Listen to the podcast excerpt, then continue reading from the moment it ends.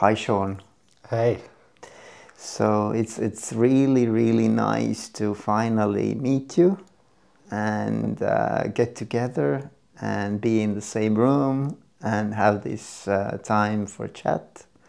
So thank you for that. Yeah, well, thanks for inviting me. It's very cool to be here in Estonia again. Yes, yes, we could, we should actually talk. Why are you coming to Estonia? What Yeah. brings you here? Um, that would be also really interesting to know. What what what is your background with Estonia?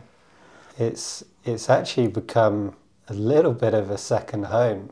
I've got a, a really dear friend here, Rain Tunger, who who introduced us. He's been Yes. on your show. Thank you, Rain.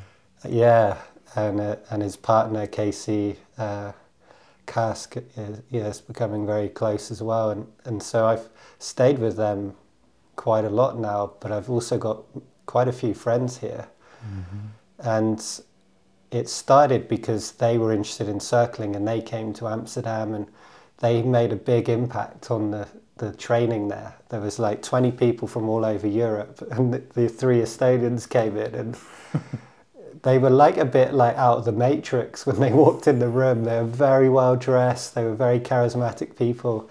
So already I was like, Estonia, that's interesting. Yeah.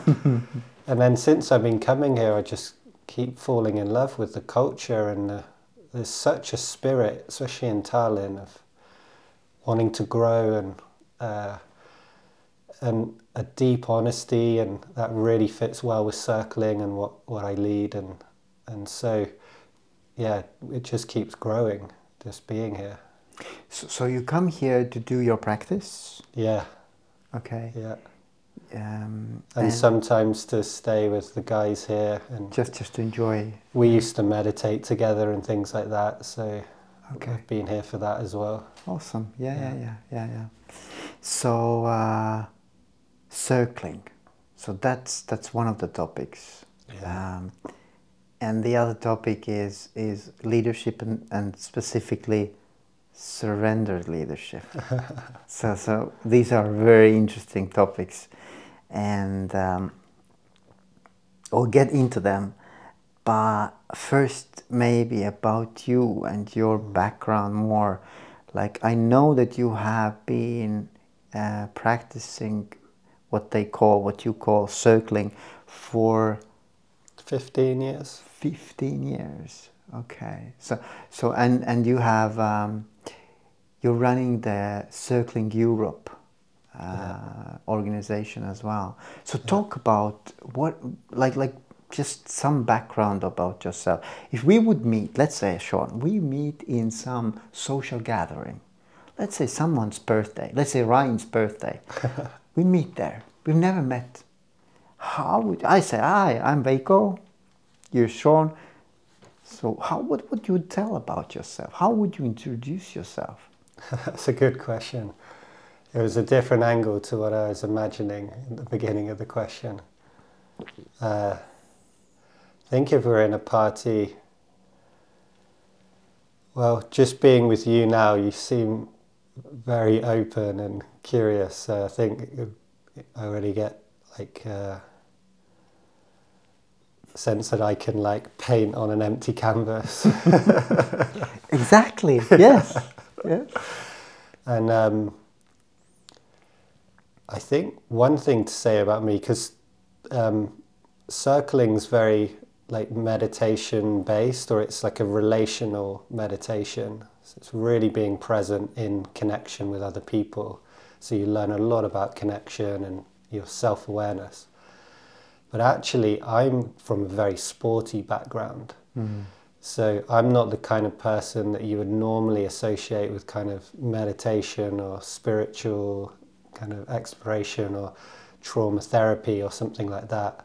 I was very rough and tumble soccer player, tennis player, rugby player, like, and I loved I loved the physical. I, I loved challenges, and uh, yeah, it that was where I actually learned all this stuff. Actually, not through wanting to become more peaceful or something like that. It was actually to become a better sports performer Okay. and then to become a better coach.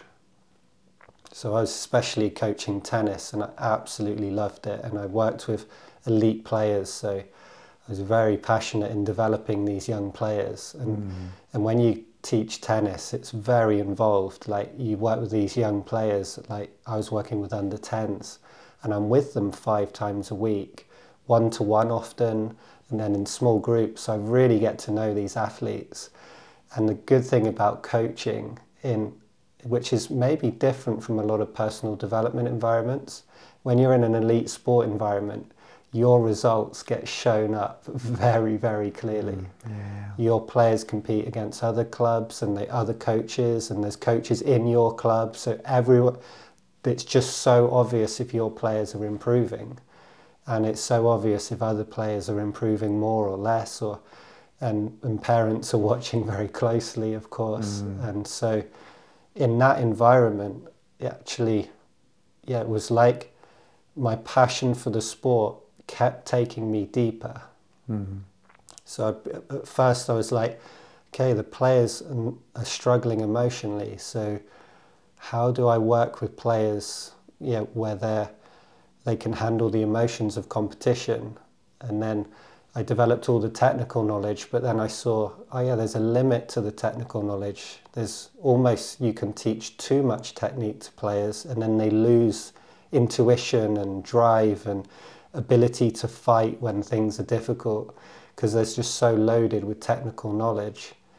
Um, and then and then it just every time I discovered something, a whole new world would open up. Mm-hmm. And then I was always someone that like, okay, I'm not just going to tell a child to, you know, develop self-awareness if I'm not developing it myself. So I would go on a journey to develop these new capacities.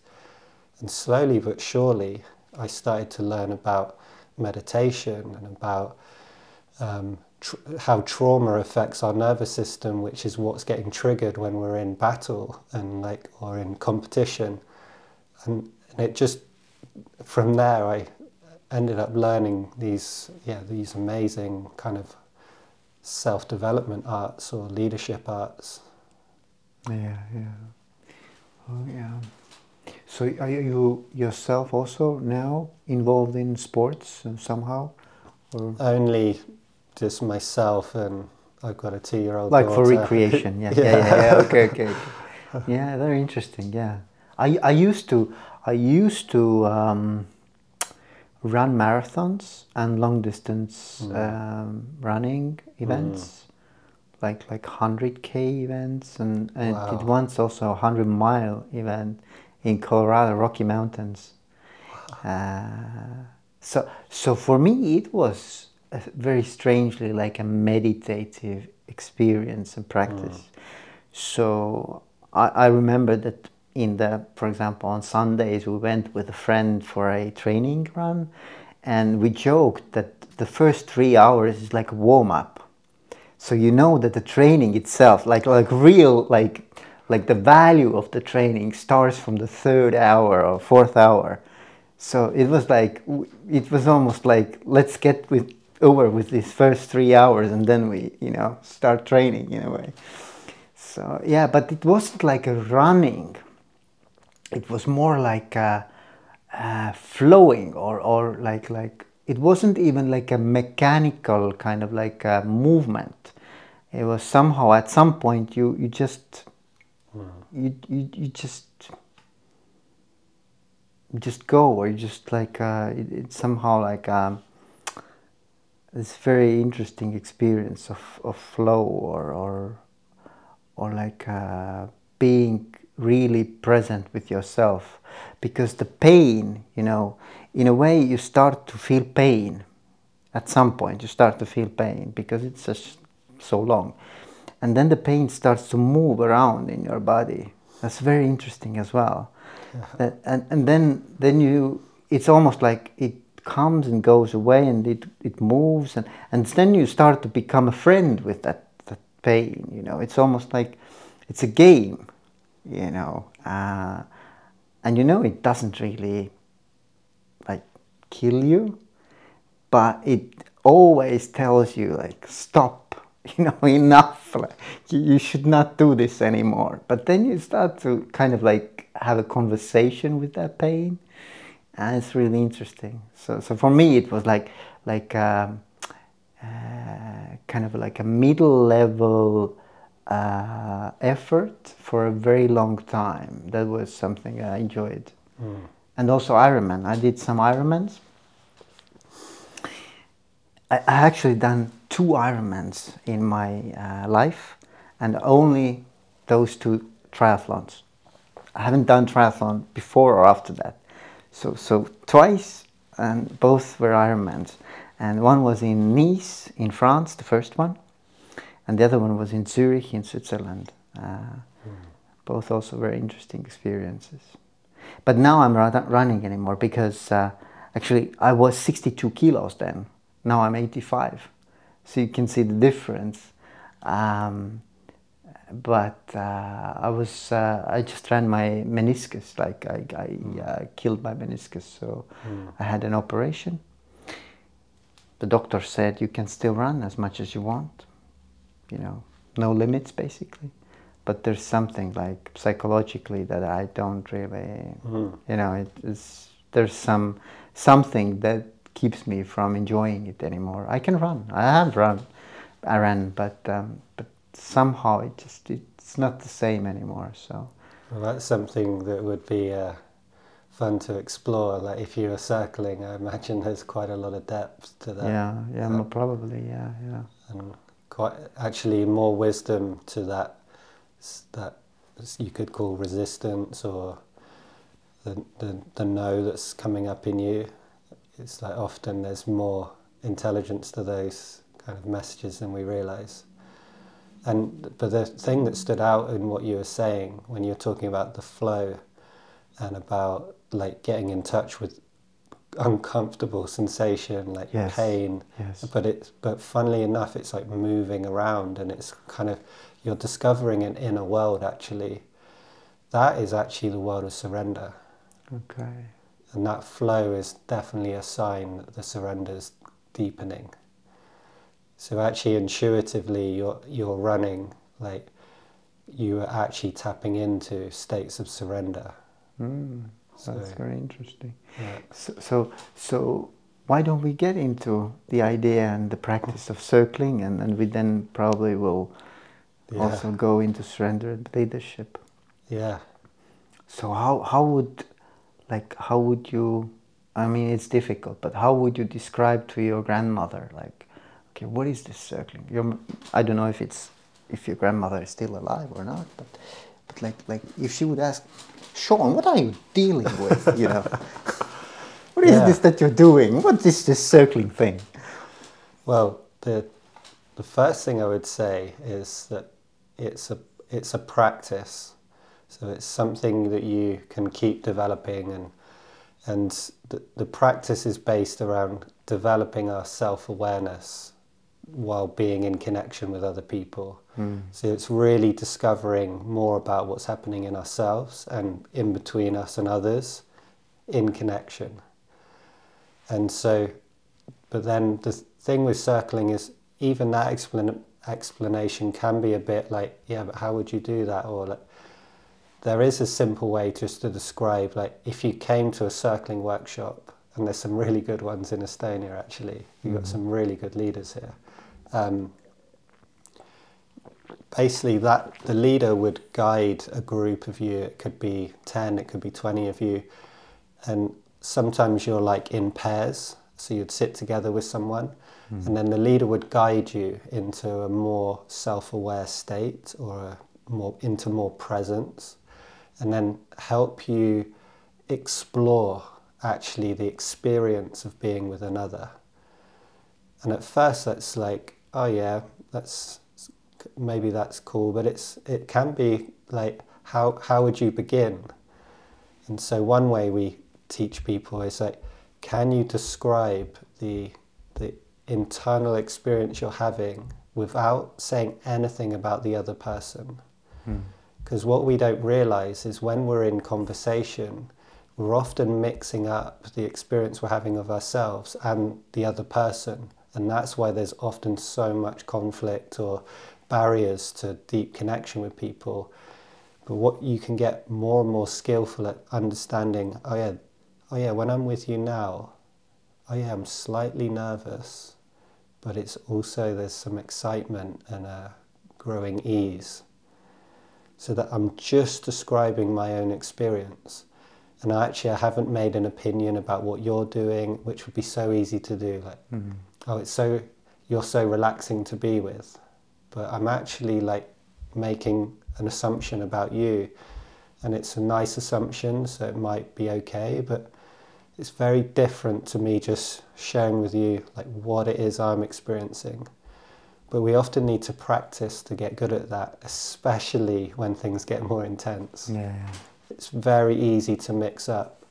And people will understand this because if they think of people that they get into conflict with or they don't feel easy around, what they'll notice if they become more self aware is that the other person's always saying things about their experience or always making what they're experiencing caused by what you you said mm-hmm. and that's very uncomfortable it causes a lot of tension and it so in circling we're learning to really like explore connection by getting really skillful at understanding what it is we're experiencing and then being able to inquire into another person where we don't put anything on them but we actually invite them to be more themselves and people really respond well to being invited to be themselves, mm. especially if you can see it and skillfully reflect it back. Yeah, yeah. Okay, yeah, that's interesting because always what what I I try to experience is, um, for example, when I do my coaching uh, practice then for me it's really interesting what I feel in the presence of that mm. person with whom I am. Like like what's mm. happening with me. So so trying to just understand, okay, like what do I feel now or, or what's what's the sense that I'm getting here, you know, like being with this person. We can talk about anything, but just the kind of like you know the sense of, of energy and, and the kind of sensations and emotions and whatever comes up mm. with within me. And then, of course, it can be my own stuff that comes up, like back from some history or whatever, or a person reminds me of someone or whatever. But it's also very informative when I can then reflect this, whatever happens in me, as you say, like like like not that you are causing it, but this is how I feel right now here with you. And, uh, and I think that's something that we don't get from real life, everyday life. Mm. Uh, and, and people, we are so bad at understanding how we influence and impact others and also how they impact us. So I think that's that's really amazing. Like in circling, I understand that this is one of the basic stuff. that You you try to understand where's my boundary and where's your boundary and what's happening with me and what's happening with you and and then just like trying to understand how in relationship here now we we kind of yeah you know also influence each other and you've you've named it really well. It sounds like your coaching is very close and aligned with circling, hmm. and um, the the way you mentioned the boundaries. Yeah, the as you develop your circling practice and your circling leadership, you become really artful with boundaries, and there's nothing better for like being in connection with others than like really being clear on like what's you and what's them what's you know what's yours what what's your responsibility what's their responsibility and and just being able to be really clear and clean with that you're going to develop a lot of connections that way and you're going to have a lot more leadership actually by just having that clarity mm. and a lot of the training we're doing is often supporting people to understand their boundaries in relation to others and how subtly it's so easy to get like crossed and uh, mixed up, and when it gets mixed up, it has a big effect on you. Like a, a lot of why people get into such pain with each other, it's like your nervous system is so wired to the to the like the rightful boundaries you have with others and the, mm. the agreements you're actually having. And if they get crossed over which they get all the time you your nervous system will be processing that sometimes for months. Okay. So and then when you get but then you've got to be skillful at establishing boundaries in a way that you're not I got this good analogy of like if your experience is like a guard your garden and someone keeps coming into your garden and making a mess mm. so you want to establish a, a boundary but then if you stab the person in the process of getting them into the right place then of course they're not going to be happy about that yeah. And we can do that with our judgments and the way we express ourselves very easily. We can cross the other person's boundary actually. Mm-hmm. So we've got to be very artful with that, and um, and that's that's where the practice comes in. Because again, if you're in a workshop in circling, because you're with people who are committed to exploring and or interested in exploring, you get to see in real time these boundaries. Um, you get to see in real time like like sometimes you think you're like um, just saying what you're experiencing or you're just like but you you subtly actually blame the other person mm. but when someone's with you in a skillful way they can actually be with you in a way where you like they just highlight what happened and you can actually then feel it from the inside and then that's such a better way of learning then because you're getting to see it in real time. Whereas when you're out in the world or in business or in your family, it's mm. happening so fast. You don't know what's just happened, but now everyone's upset or the energy's gone a bit strange. Yeah, yeah. How would you ever know? And so by the practice, we can become more present, and presence kinds of seems to like slow down time, and then suddenly you can see a whole like world open up, mm. like the world of connection, and that's that's a beautiful and intricate world actually. Yeah. And we can develop a lot of leadership there. And then why is the name circling? Like like how, how does the name connect with is it something with a circle or uh... I think that's the main thing that, that as the practice develops you do a lot of group exploration and that's where surrender leadership comes in. But but in a group, the the amplification of like the subtleties of what's going on is huge. We know this, like when we're in families or teams, like it can be magic, but it can be so co- yeah. conflicting yeah. and like the potential. For, so if you start getting more self-aware there, then your your leadership growth is exponential because you you're just seeing so much quicker what's happening than anyone else. And you're being able to keep your boundaries clear and clean, and that's going to really distinguish you. But um, so I think the practice came a bit from the name. I think it was actually one of those names that came intuitively.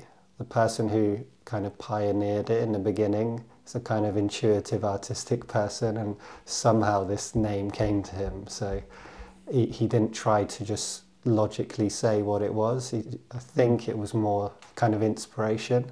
Mm. But it does make sense that there's like, we're often in groups, so there's often a circle we'll sit in.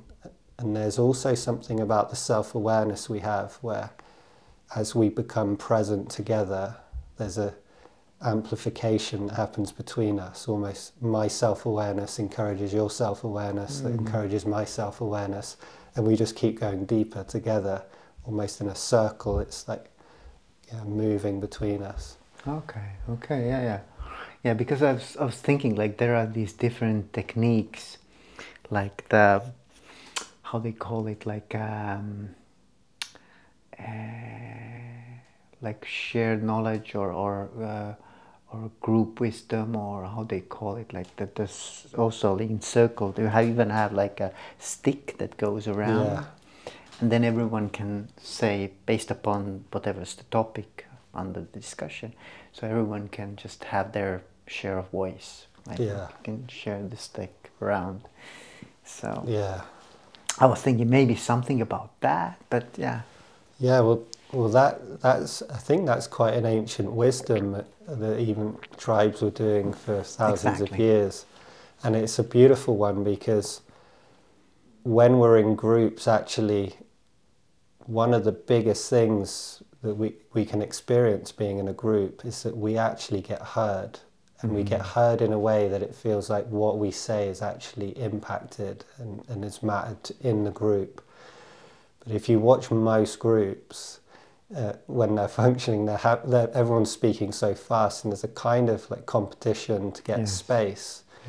And so no one actually. It's rarely that someone feels really taken in, and it's often that the perspectives that are being offered are getting into conflict. So when you have this structure of the talking stick, and everyone gets a chance to have their say, and there's a kind of collective attention on them, which is when people get genuine attention on them, there's, there's a, I think there's an amazing thing that happens, like that flow state you talked about. That's why I would say, like with great theatre, the reason why it gets so great or a great orchestra is actually as much to do with the audience as it is to do with the performers in a way. Hmm. Because their collective attention is amplifying the presence of the performer. And so there's a there's a, a circle happening between them or there's a feedback that's really important um, but the thing with with surrendered leadership just to mention one of the effects we've seen is we we actually we know this wisdom that when people are seen and they get to really speak, it can really have an impact individually and collectively. But actually, if you put a structure on the movement of the conversation, on the movement of people's attention, you also do shut down a kind of potential for collective intelligence. Hmm.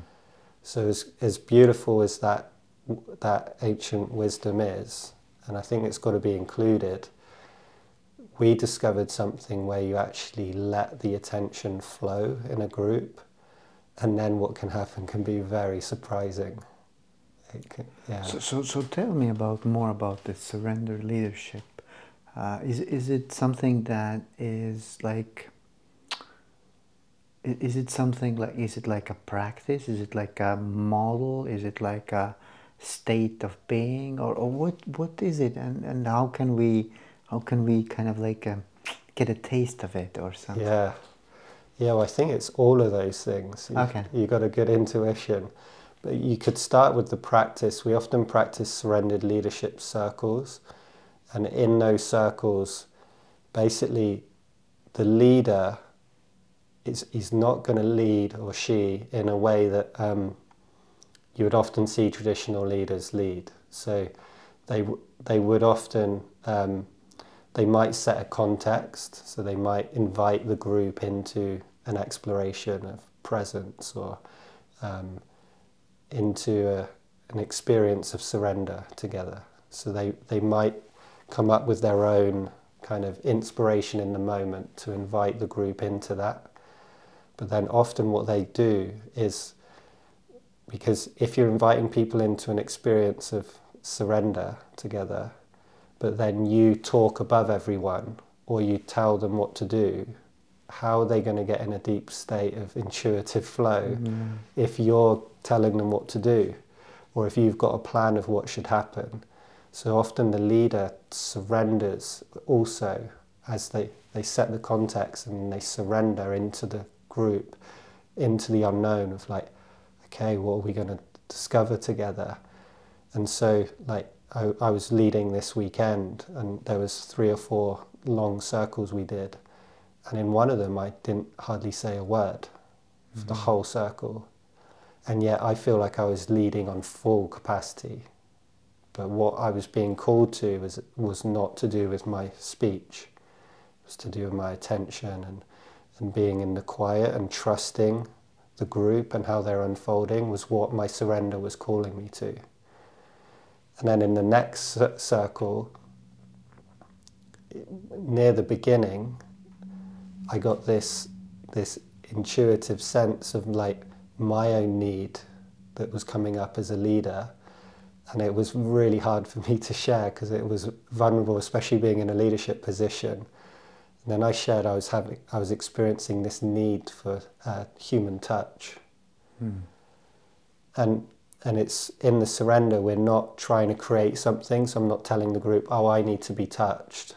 No I'm I'm I'm surrendering into my truth and the truth is I'm having this need that I'm a bit afraid to share and that's all I know. So I share it and then I stay present. And then what started to unfold was more the whole group exploring like the kind of se- semi-unconscious needs they have and all the, and it was just just this tender human exploration. Whereas some people even went into like playful like primal exploration together.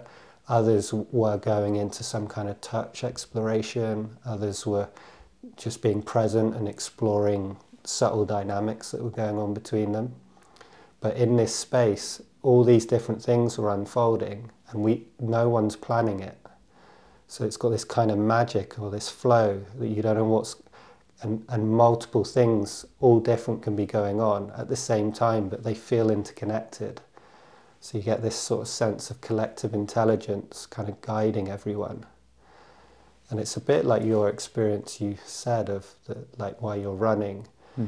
you go into this kind of flow and you, you don't know where this pain is going to come up in your body when you're in a circle and you're in the unknown with the group and you're surrendering together you don't know what's going to come.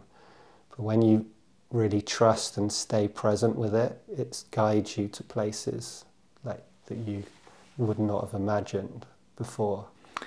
So it's it's it's um, what I hear is like it's it's a lot about trust.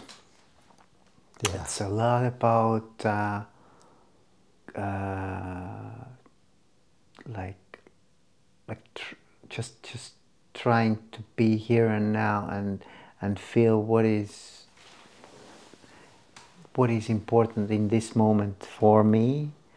And obviously I, I guess the leader of the group, the, like like I said, leader, in a way, kind of holds the atmosphere, holds the room, holds the environment, holds the the kind of uh, the, the the setting for this whole group, and and probably also at some points, what I hear is that. Um, kind of gives the uh, not that direction but like like if you say that i have this need then probably this was something that evoked in the group something like different people have different associations or different kind of uh, whatever comes up for them with that. Mm-hmm. Because it's like in a group setting like if you do group therapy for example or group coaching even what is that if you do work with someone then everybody in parallel actually does their own work Yeah. at the same time. They have their own stuff that they're working through obviously in parallel but but you can see that it, that everybody is actually in their own process at the same time even though you you're working directly with someone. So it's interesting like like you, you also were working on yourself as a leader. And at the same time everybody started to work you know it woke something in them. Yeah, Yeah, that's interesting. And this is one of the big things of uh, like surrendered leadership. When we were discovering it, was you get as much transformation being the leader as anyone else in the group, but also because of the context you're setting, which is a context of self leadership, being present, trusting your experience, not being guided, but being guided by your inner intuition. Mm-hmm, mm-hmm. Then what actually happens as a leader when I'm, you know, I've had many circles where the the way I'm showing up has a little bit of like unconsciousness in, in it, and I'm I'm not aware of that, or maybe slightly, and someone in the group because of the context actually challenges me in a way that, you know re-guides the whole circle. Hmm. And then sometimes i'm being circled by three or four people and i even go into a kind of you know trauma former trauma that i'm integrating hmm. And and they're holding me in that but but even with that happening it there's a context I would be holding as a leader that this is part of the collective unfolding. It's not I'm not letting go of leadership and someone else is taking over or it's it's not about that. It's like we're explore we don't know what's meant to happen in this circle. Yeah. And and this is where traditionally as a leader and this when people are training in surrendered leadership, this will come up often, is we're so used to like the, the leader has to be sorted, or has to be together, has to know the direction, has to always be composed. And there's a good reason for that because the leader has a, a, lot of influence, a lot of influence on a group. So there's a wisdom to that. But actually, what we discovered, there's this, there's this extra dimension you can go into as a leader where you start to show your humanity start to make available your own unconscious and then suddenly there's a greater potential. And and also because 20 people in a room who are all showing up in self leadership the potential is huge for mm-hmm. what can be discovered. Creativity and if you can inspire them as a leader to come forward in self leadership what can be created is huge but you'll be challenged in your perspectives and your limitations as a leader but then that can become part of the process. And actually, you integrating and being humble and is actually inspiring a deeper surrender in the group. And actually, it's a nicer place to be as a leader because you, you don't have to protect your identity or you don't have to be have everything worked out, which I've been fortunate to travel around the world and meet many amazing leaders and do amazing practices, and there isn't no one I've met that's got everything worked out. that is for sure. Mm. And everyone's still, you know, on their journey. So when that becomes actually a welcome part of the process of being in a group, it's it's a huge relief, but also a huge potential. Mm-hmm. It's almost like. Um what's the right word? Like vulnerability yeah, yeah. vulnerability based leadership. Um, and and um, yeah there's uh, there is sometimes this kind of like uh, expectation for leaders that they should have this they should be this enlightened monarch you know like like they have this wisdom and and you know the knowledge and they know what to do in every situation. And you know these expectations can be yeah. um, projected on on on the leader. And yeah it's uh, it's like and, yeah and it gets into a a difficult cycle because the being a, I mean I know this experience when you're a leader and and if you've developed it like in a practice well you do have you know skills that are impressive or they can really impact people mm-hmm.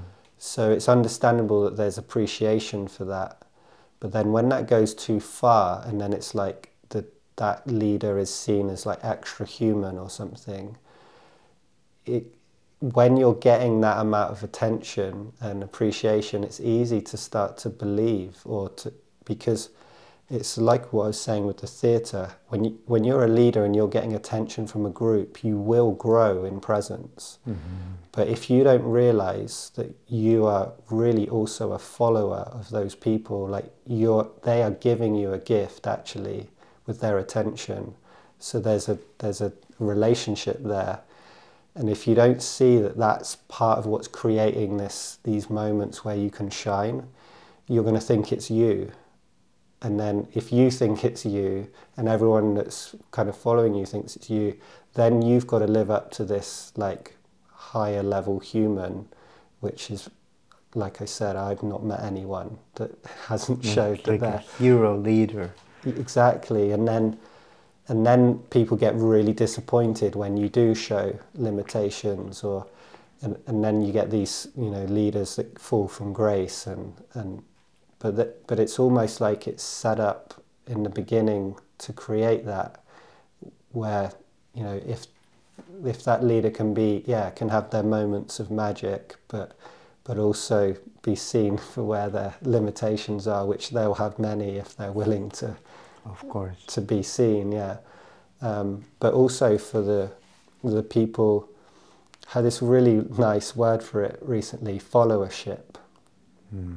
And in followership, it's like, yeah, there's the humility to see someone that's got skills you want to develop and the willingness to to do the practices and but in followership also you you're giving it like real power transformational power that it's good to own. Like you're you're an important presence in the room as well and to the quality of the whole practice or the whole team you're in like the way you're participating is really really important and I think good leaders intuitively or consciously know that. Yeah, I think like what, what I really what I really like is that um, that in order to I think like in order to be a, a great leader, you you also have to be skillful at being a follower. Like like they, they are like like two sides of the same coin in a way. Yeah. Like like it's difficult to be a great leader without having the other side in you, and and you can switch whenever you kind of like it's.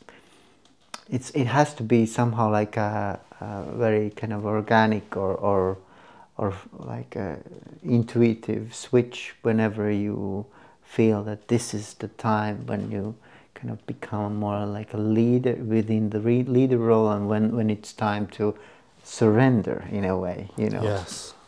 Yeah, very well said. And we know from history that the the leaders that assumed they were the the great the, the great being from beyond ended up murdering half of their population yeah, or yeah. because and but also for reasons like um, you know taking over the economy. Well actually an economy is actually millions of minds working together and there's an intelligence there that's distributed and it's incredibly intelligent. Like so when one person thinks they can like lead an economy it goes into disaster. There's like famines happen very quickly because you can't you can't allocate resources you're so limited as a leader it's an illusion. Yeah, so that's where the collective intelligence is really important. And so, yeah, you've got to be more humble. You're not going to be this, you know, impeccable being or something. You're going to be human, but you're going to learn so much and you're going to appreciate people and what they're really bringing like around you way more like if you're in a state of surrender. Yeah. Yeah. I was just thinking like like there there is this um, Gallup, Gallup survey. Do you know like no. the engagement of employees? Right. Survey, and they do it like all over the world in different countries. And if I'm not mistaken, I was thinking like it was one in four employees is actively engaged. The other ones are either passive or actively disengaged. Wow. So, yeah. so it's like it's. I was amazed by this statistic. I was thinking like, if you are going, you, you're waking up every morning, you're going to the job, whatever you are doing, and you actually, you know that you are not getting the fulfillment or you're not getting the satisfaction or, or the kind of like a, a feeling of accomplishment from there. And maybe you're even in those Eh, one of those who are actively disengaged, meaning you, you're mm. actually rowing the, the opposite side of the goals that the, the company wants to achieve. I was thinking like, would, would the circling practice and the surrender leadership practice, like, like, would this be something that would increase the likelihood of person really knowing what do I want to do or what, what like, like to become more yeah. in contact with him or herself? Because I think it would be interesting to hear. What do you think? Why so many people are disengaged? Yeah, well, the I think circling could help a lot. Uh, but the important thing with circling is it's, it is a practice for de- developing present self awareness, communication, understanding connection, and but re- also it can go as deep as you want to go. So you can you can start to be able to be present to like in real time. If you say you're triggered in a trauma response, like how do many people know if they are or not and if they are do they know how to navigate it in real time yeah. when the stakes are high you can learn to do that very very elegantly actually and it's not easy but you can so the more you practice the more you're going to develop these kind of capacities but in terms of the question of like why um, it's not happening in the workplace yes, and I mean like like like it's it's just staggering that people are miserable. Well, I think a big part of it is connection to yourself and to others is so fulfilling. It's so wonderful.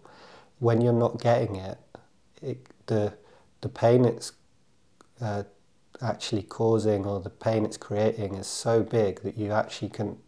Some of your only way to survive it is to numb to it. Mm. And then when you're numb, then you've got even less capacity to to be to navigate because you're numbing all of your intuition, you're numbing all of your emotional intelligence. So once it's on a on a bad cycle, it's gonna it's gonna be very hard to change that. And when the workplace itself is set up, that the boundaries aren't clear, the direction isn't clear, no one's no one's developed their listening capacity, so no one's being heard. There's in infighting competition. It, it's like these things can escalate very quickly, and that's why we call circling a practice because you, you can't just do it once and then. Mm. Would be like running once and then trying to do an Ironman. Yeah, yeah, You've got no chance. But if you want your workplace to be thriving and people in there like so it's four out of four are like involved and engaged. It, it would be a practice to make sure you're, you're, you're being present and you're being in connection. Because one thing that will happen as you start to do it is you actually start to face more difficult truths the deeper you go. So at first, it might be you start being more present and you start to realize you're actually very sad or even a little bit depressed. But like, who wants to know that? Because if you know that, now you've got a complex issue. So it's like, what, where do I even begin to navigate that? So it's better to numb it in, in the short term. It's, I don't think it is, but it can seem better. Or you, you get, you're more present and you realize you're really angry. Yeah. And you're really angry with your boss, you're really angry with your co workers and, and at first, that's very scary because if you start being aggressive, you could lose your job. Mm-hmm. And rightly so if you're aggressive. But your anger is actually fuel for like true boundaries. And, and if you can in, harness it and understand how to be self aware and present in it, it can actually motivate you actually to a deeper engagement. But again, that, that takes practice. But I think the more people practice, what we see in circling is, first of all, as soon as you see someone's actually continually crossing a boundary with you, so that means they're constantly breaking agreements, or, you know, say like a boss who's like, you know, you've agreed to work 20 hours, you're being paid for 20 hours, but your boss is always doing these moves with you where you find yourself working that extra 10 hours a week and you're not getting paid for it and but you, you kind of don't know why it happens. It just keeps kind of happening. Yeah. But if you start becoming more present and you, you start to see why that's happening, you can you can be present while your boss is slightly manipulating his agreement with you. And in that moment, if you're present to it, it's you're gonna lead yourself. And then you're gonna be you know, you can just say very clearly to your boss, oh yeah, it seems like you're asking me to go beyond our agreement. Um, and I wondered if you were, would be willing to pay me if I was would agree with that. And just that simple honesty Like most people are like, no, he'll never, he'll never respond. Like you're already scared, you're already anticipating. Mm. But that's all not in presence. That's all like in thinking and of the past, the future, and so as you practice, you start to come present. You'll be able to say these simple things, but these simple things will have a huge impact on your leadership. It's very likely in this example, if you just said to your boss very clearly, like, "Oh, this is our agreement. Are you asking me to change it? What what are you, are you willing to pay me?" If you just bring that clarity with presence and calm, not only will you be surprised that you'll probably get get more from your boss, Mm-hmm. but he'll actually become more go more into followership with you. Yes. Yeah. So you'll actually have more influence. So you're scared of like, you know, it going bad or him firing you or whatever. But the likelihood is, if you can be present and clear, you're likely to create more connection and be more trusted. Yeah. Yeah. So yeah, yeah, yeah. I, I, I agree that that it you, you I think the the the the manager or leader would start to respect you more because there's some clarity that you bring to the table that maybe he or she was not also willing to bring into the table even though they had the same kind of questions on their mind unconsciously Exactly. So, so I think we all actually crave for clarity. Like people want clarity, I think. Yeah, truth. And and in Estonia, this is huge. We were doing a weekend just this weekend, and there was such a desire in the group as they're being more honest and going deeper in the practice. They're so passionate about the truth. Mm. It's, it's really stands out in, in your culture here. There, there's such a passion to it, to the point where I also challenged back and said, yeah, the truth is really important, but also, like, for real transformation, you also need the connection as well. Yeah, yeah, yeah. And there is a way you can go for truth where you actually, you're getting more truthfulness, but are you getting more connection? Sometimes not. Ah, that's really cool, actually. Yeah. You know, there's like th- there's there's actually what re- this reminds me. Have you heard of a uh, author Kim Scott? No. You have. Well, what she has is a is a model, but this really connects to what you said. She has a model where there are two dimensions. One is care personally, which is connection, relatedness, and the other one is uh, straightforwardness or or like uh, integrity in in in our kind of like what we say and how we are. Like like how to be honest direct and straightforward but at the same time also be you know, caring like really li- like like not just like like um, try to be caring but really be like honestly from from your heart like like sincerely uh, caring person. So how to how to match these two things which seem like maybe they cannot be intertwined or maybe they, they are not something that you can always uh, put together. But i think that's that's one of the things that would be really awesome if it's possible. Yeah. can you imagine how much power there is? If you can be like not not like uh, i mean there's also the intentional side right? What's the intention? Why i'm saying what i'm saying right? In every situation. What is my intention here? Why i'm why do i say this? Is it because i want to really like like do, do i want to help this person? Do, do i care about this person? Do i care about our relationship? And that's why i'm saying these things which might be which might be uncomfortable or even painful or is it something else so i think the intention there is really important as well to be aware of that but this is so awesome i think this topic Yeah.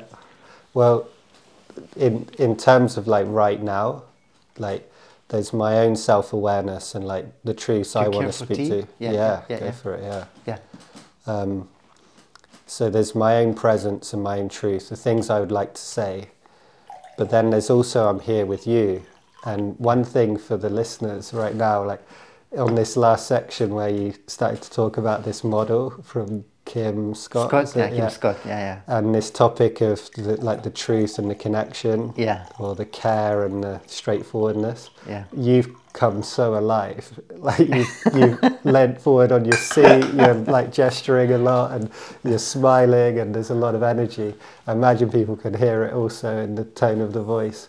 And so, at the same time as being aware of myself, if if I can extend my awareness to be aware of you or whoever I'm connecting with, I get lots of information actually.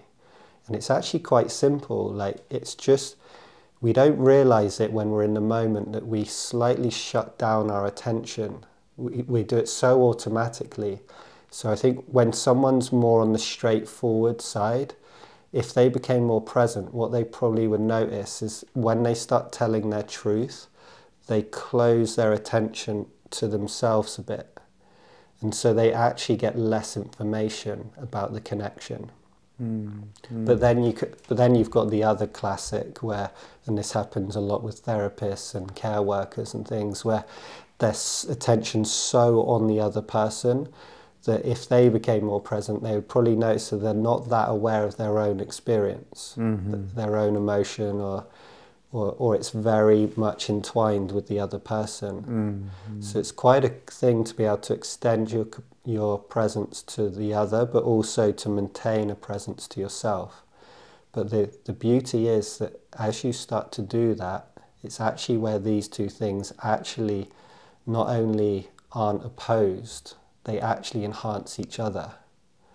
So if I'm really present to you, like as I notice your aliveness, what I started to notice was my heart was also like thumping in a way that was exciting in me. So I was like, it was generating more presence in me, being present to you. But then being more present to me also helps me be more present to you as well. So it starts, yeah, uh, being a positive feedback loop. And this is also where I think, like, if you care about telling the truth and honesty, if you really start to be aware of the other person, like, if you're aware of the other person's heart and you're just about to deliver, you know, this raw truth, it's almost always that when you really feel the heart of the other, that your truth changes a little. It, and I actually think it evolves. And actually, it becomes a deeper truth.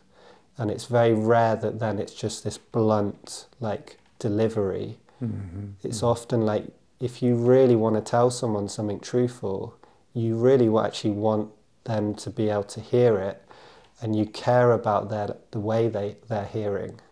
And, and so when you do that, then it usually evolves your truth. But it, it's also the same the other way around. Like if you really care about someone and you, you know you say, yeah, I just really love them. I you know I can't tell them these bad things because I really love them. Yeah, but it's like, well, hang on a second. If you really tune into them and yourself, you're going to know that they really need your truth. If you really want to get close with them and be a support to them, your truth is essential.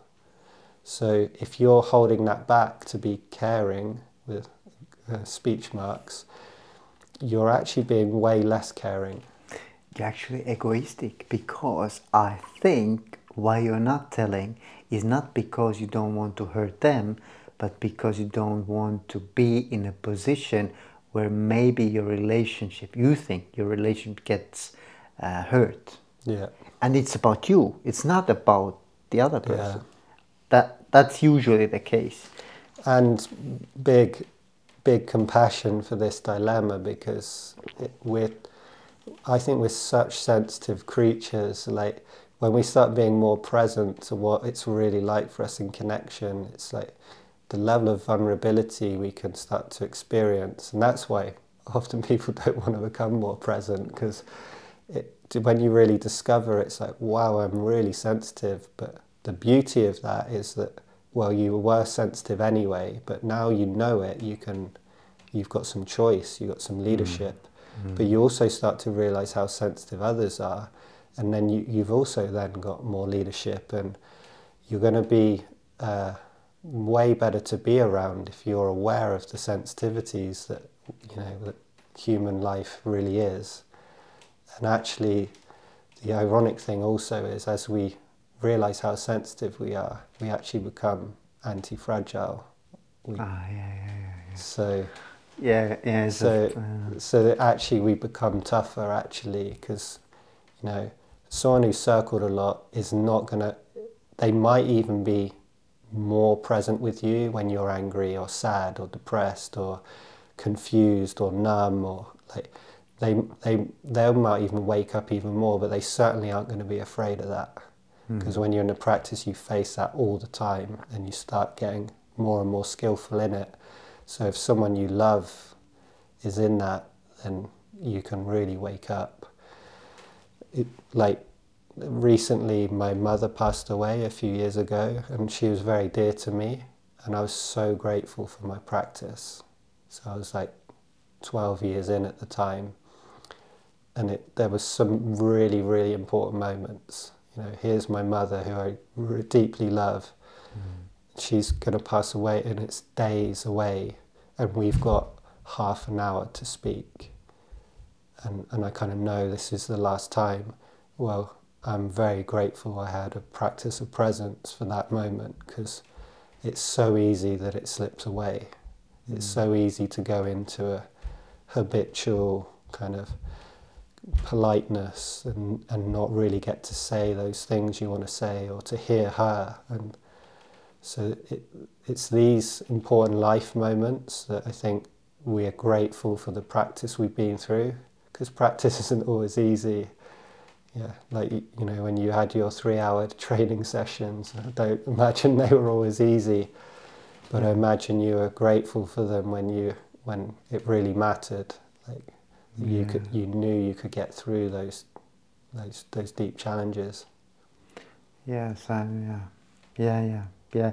I, I remember my first marathon and the feeling afterwards. I remember that um, it was very difficult, but at the end, I was like almost the feeling was like it doesn't matter what kind of challenge the life will throw at me, I am able to handle it. It doesn't matter what happens in the life. And this was kind of really powerful feeling. It's like uh, it's even hard to uh, convey, like like what's the experience, but it's it's like um, uh, that, that you you are almost like uncrushable, whatever happens, and it can be like something physical, it can be something emotional. It's you know anti-fragile in a way. You know, it's Yeah. just like this this kind of obviously it's an illusion as well, but at the same time it's not.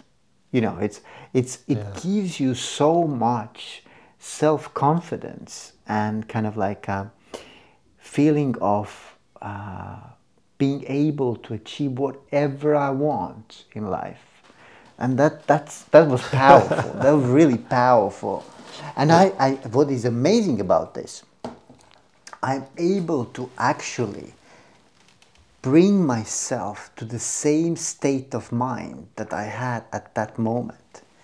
Like consciously I, I can i can actually put myself into that emotional mm. state mm. whenever i need. Mm. Like and and that's really amazing. Like for example if i have really challenging training or i know that there's like it's, it's, it's a you know very important kind of occasion then what i do is i bring myself into that state and that's like really convincing. That, that's it's, it's it's something that prepares me well for for whatever happens then. Yeah. Well, I, I would I could say that you're uh, you've intuitively found a state of surrender. Hmm.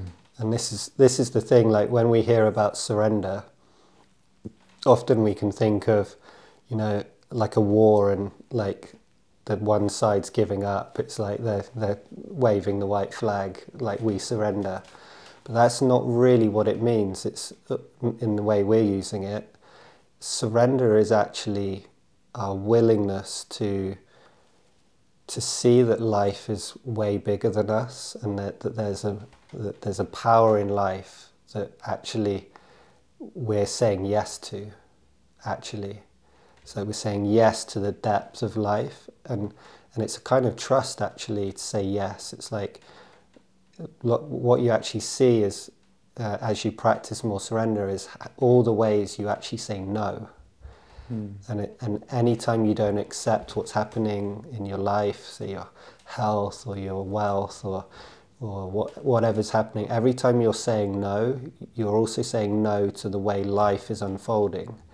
And that's, that's, that's a force you don't want to be in opposition to because it's so powerful. But actually, what you find is if you say yes, you actually get also in touch with the power of life and it empowers you, actually. And I think that's what you must have discovered in your running, where you there was you you're suddenly saying yes to this intensity and s- suddenly getting access to something that felt indestructible and what I would say is that that is actually the more self aware we are and the more, the more we experience surrender, we actually get in touch with the essence of what we are, like the essence of our being, you could say, as a human being.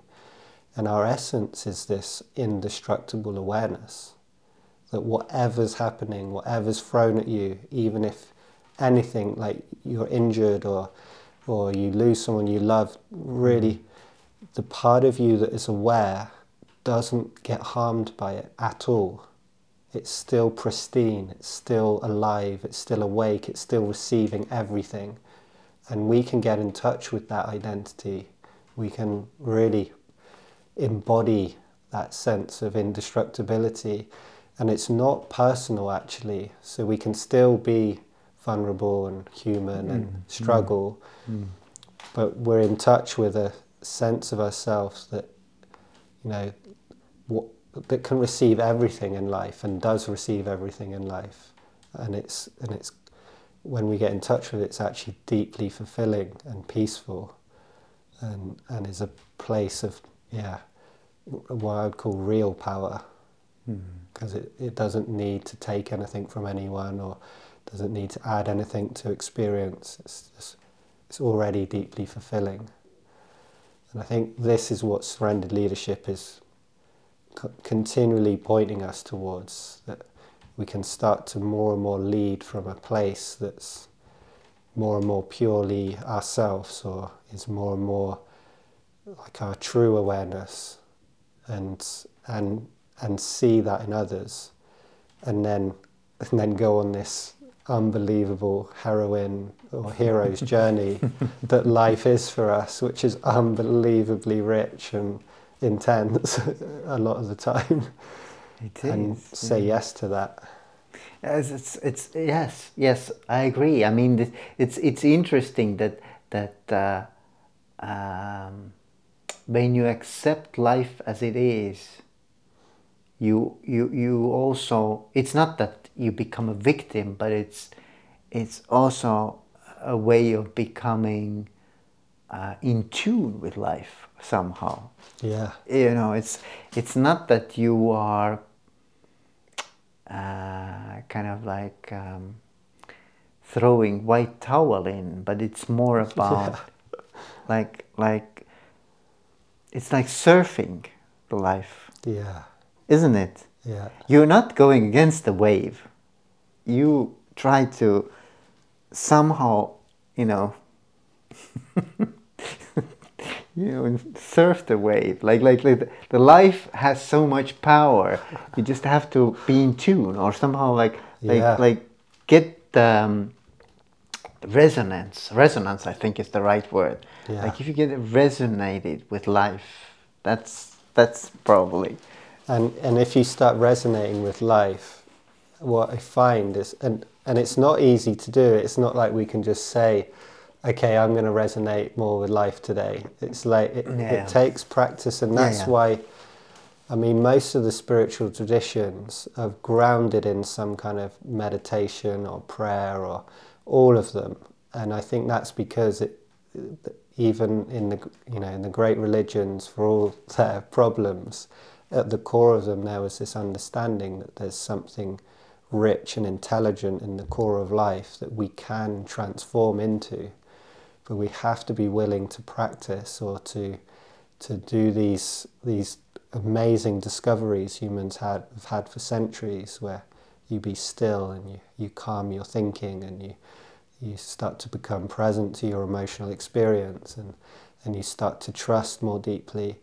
And it's a bit like a person, I, I would say, like, you know, if, if I'm really present to you and I'm available and listening and, and you feel safe to share things, you start to share more and more of yourself. Mm-hmm. And you'll start to share with me your secrets and your, the, your deeper intelligences and, and, and our, you know, our, our connection just gets deeper and deeper through that and, and more and more fulfilling. And I think that's the same with life. Like mm-hmm. if you start listening to life and relating to life directly, it will start revealing its secrets to you. Mm. And that's pretty cool because mm. if you're on a wave and it's like you suddenly get this intuition like, hang on a second, like pull up now. And you don't know why. There's nothing tell- obvious telling you why, but then suddenly you pull up, and then there's like a. You suddenly see there's a huge rock you've just missed. Mm. It's like you don't know where that comes from. But I think it's you being in tune. You get all these subtle messages, like, oh yeah, go go for that person. Go and tell him now. Go, yeah, go and do this. Wait, don't say that just yet. Mm. Just mm. wait a second. Mm. Those little adjustments, when you start hearing those, not only will they probably lead to better things for you, but the fact that you trusted it and that you sense you're in tune, that is way more fulfilling than actually the good results that happen. It's, it's just like that sense of being on the wave. is, it's its own fulfillment. Yeah, yeah, yeah. Yes, Sean. Yes. yeah, yeah. It's, uh, it's, it's cool because it, it there are so many paradoxes that seem like um, contradictions in terms, or how you say, like a oxymoron. Yeah, like like they don't belong together. Yeah. But actually, I think they they reinforce each other. So it's it's it's it's like how to how to find a way of life that helps to put these polarities somehow like like how to live so that these polarities can be experienced at the same time and maybe even like yeah. like like, like uh, emphasized yeah i think that that's like uh, because we we think that we have to choose between but we, usually we don't right? Like, yeah. It, it, when you say that it reminds me of one of the things as because in some ways I feel like surrendered leadership discovered us like me and my main circling partner John Thompson you know we were circling and we were loving it exploring these deep connections and then something whispered to us while we were leading a workshop one day let go even more and and what that message was was like when people were coming back from the circles we would create in the workshops, we would then have these moments where we would just like, oh, does anyone have any questions or would anyone like to share anything? And we were actually slipping back into a more traditional leadership. Mm. And, and so we question and answers, and it wouldn't have the same transformational potential that we were feeling in the circles. So we were like, okay, let's let go more. And then it was like, people came back from their groups and we were all there together. And the truth for both of us was to say nothing. And we were sat there saying nothing, and then suddenly the energy in the room got really intense. And it was like, whoa, like the transformational energy was here. And it was even stronger than the circles. So we were like, whoa. and then part of the group were like, why aren't you saying anything? And getting agitated. Whereas some people were feeling it, so they were like, no, like there's something happening. And then some people who were agitated suddenly were taking more ownership of their agitation, so they were self leading in the moment in a very powerful way because there was no structure for them to do it. They were just doing it themselves. And then there was all these interactions. So we were like, what the, what just happened? And it was then slowly over a few years that actually this moment we had of, you know, surrender became actually our training. Mm-hmm. That we were more often in that kind of experience with a group than in, and then even in the birthday circles, as we call them, or the, the small circles we used to do. So yeah, it was like it took us, and then we had quite a journey, like following the yeah what it was showing So, us. so was this like early days or when was it? ten, 10 years ago, Okay, yeah, yeah, yeah. yeah, and then surrender leadership became the the kind of the peak of our like what we were training. Like the circling's amazing, but it's also in some ways feels like preparation to learn surrendered leadership, which is like you said earlier, like it's a practice, but it's also a way of being that Mhm. you can keep developing. Yeah. Yeah, Sean, it has been really awesome. Really awesome. We could probably do um, a long, long time. um, and uh, I was just thinking, like, like winding down this this chat. Mm. Like, is there anything that um, I have not asked, and you think that you know this is what I would like to? Well, one thing I'd like to share with you, as we're here in Tallinn, is it's a really exciting uh, practice community here.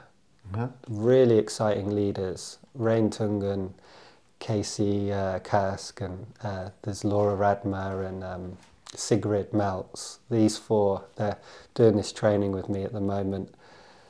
They are really hot to trot. You you got some good people in this city, and and then we've got this group that have come together, and they are that it's there's a lot of aliveness and a lot of capacity. So I just encourage if anyone feels some inspiration from our talk to to yeah look up the, the circling in Tallinn and and give it a go because it's it's a proper dojo of practice. I'll, I'll leave the, the link also with Cool, the with cool. the text. Yeah, yeah. And it's great to say that, and in in a lot of ways, Estonia is like becoming a bit of a leading country of circling. I mean, circling has taken off. It's in like easily over thirty countries now we've been to, and it's on the internet. It's it's becoming a, a big practice, and but in some ways, Tallinn is one of the most exciting spots at the moment that's emerging, and I love that about this country That's awesome. That's awesome to hear. Yeah. because it because it I mean it is an innovative practice. It, I feel like it's it, it merged, you know, in the early 21st century. I really feel like it's a 21st century practice. It's it's got all these hallmarks of you know this this latest period for us where we're tapping into collective intelligence and distributed leadership and followership and leadership and presence, surrender, but also just skillful communication and um, and yeah, skillful boundary setting and yeah, self leadership. All these things it really brings those together, Mhm. but it's grounded in this ancient wisdom of yeah, presence and surrender, or trusting life. So yeah, it's really cool that Tallinn's kind of innovating around. It's very that. interesting. Yeah, I know Rain. Rain is a is a really cool cool guy, and Yeah. uh, he's been on my podcast before as well. Yeah, He's uh, yeah, yeah. I, I I would trust him uh, leading the circle. yeah. Uh, yeah. Yeah, they're really committed and they've they're the kind of leaders where you find that through circling because the practice itself does it's such a transformational experience like it's good having s- there's uh, someone in our group at the moment who's done a lot of psychedelics. Hmm and he said to me this weekend he was like we're getting this the same experience that I've had on my psychedelics but we're just here being human together. And and and that's that's a big thing. It's like when i discovered this i was just like what the this is like unbelievable like i'd done so much transformational work I'd, i haven't done a lot of psychedelics but i have kind of tried those but i've done a lot of deep therapies and meditation retreats and sometimes i did retreats for 10 days intense meditation And then I started circling, and it was like I was entering where I would get to after 10 days in Mm. like 10 minutes. I'm like, this secret resource that's just between us. But not only is it this, there's this like psychedelic experience we can have in connection, it helps us be more connected, which is so wonderful. Like, it's so meaningful to have good relationships. It's, such a, yeah, such a wonderful thing. Yeah, and I think it's also like for humans to really become well con- in contact with ourselves, we need others. Yeah. You know, it's impossible. When I would be a Robinson Crusoe in, in on an island alone, it would not be possible to have such a contact with yourself. So, so in a way, we need relationships in Yeah. order to be in a good relationship with myself. Yeah. And how wonderful we're in a universe that created this potential just between us. Like, if we can love each other more, we actually Yeah. also have a more meaningful life. It's, it's a win win. Obviously, yes. so, thank you, Sean. I'm so happy that we had this opportunity, and thank you, Rain, again for uh, you know getting us acquainted. And uh, you never know when we will meet again, or what are the circumstances in life that we bump Yeah. into each other again. So, so thank you for uh, for uh, for the talk, for the chat, and uh, Yeah. Well, thank you as well. It's been a very nice experience, and your hospitality has been really wonderful today. And yeah, look forward to listening to this again. And yeah, let's see what gets created. Yes, thank you, thank you, Sean.